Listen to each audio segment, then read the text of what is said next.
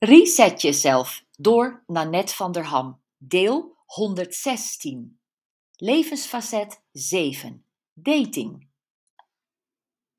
Dat wordt niks met jou, zei een vriendin toen ik in 2002, een jaar na mijn scheiding, op mijn bijna veertigste, nog geen leuke nieuwe man had ontmoet.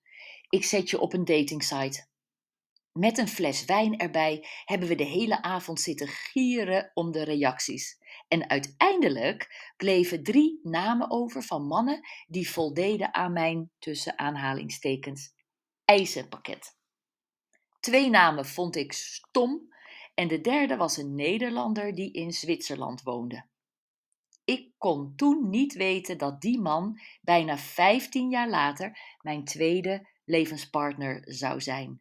Mijn datingsite ervaring is dus heel positief. Ik hoor ook veel minder leuke verhalen.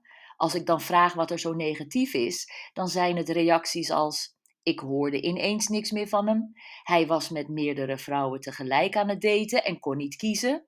Hij was in het echt heel anders dan op zijn foto. Ja, daar kun je moedeloos van worden. Maar niet alle mannen zijn natuurlijk zo. Als ik soms hoor wat de criteria van vrouwen zijn, hij moet van lezen houden en ik moet wel met hem kunnen praten. En hij moet in een straal van 25 kilometer om Rotterdam wonen. En hij moet langer zijn dan ik. En ik wil iemand die werkt, het liefst een ondernemer. Dan denk ik, je maakt de spoeling wel erg dun. Heb jij het levensfacet dating een onvoldoende gegeven en wil je dat cijfer omhoog krikken? Luister dan verder. Hier komt jouw dating resetter nummer 11. Vertel rond dat je een leuke partner wenst.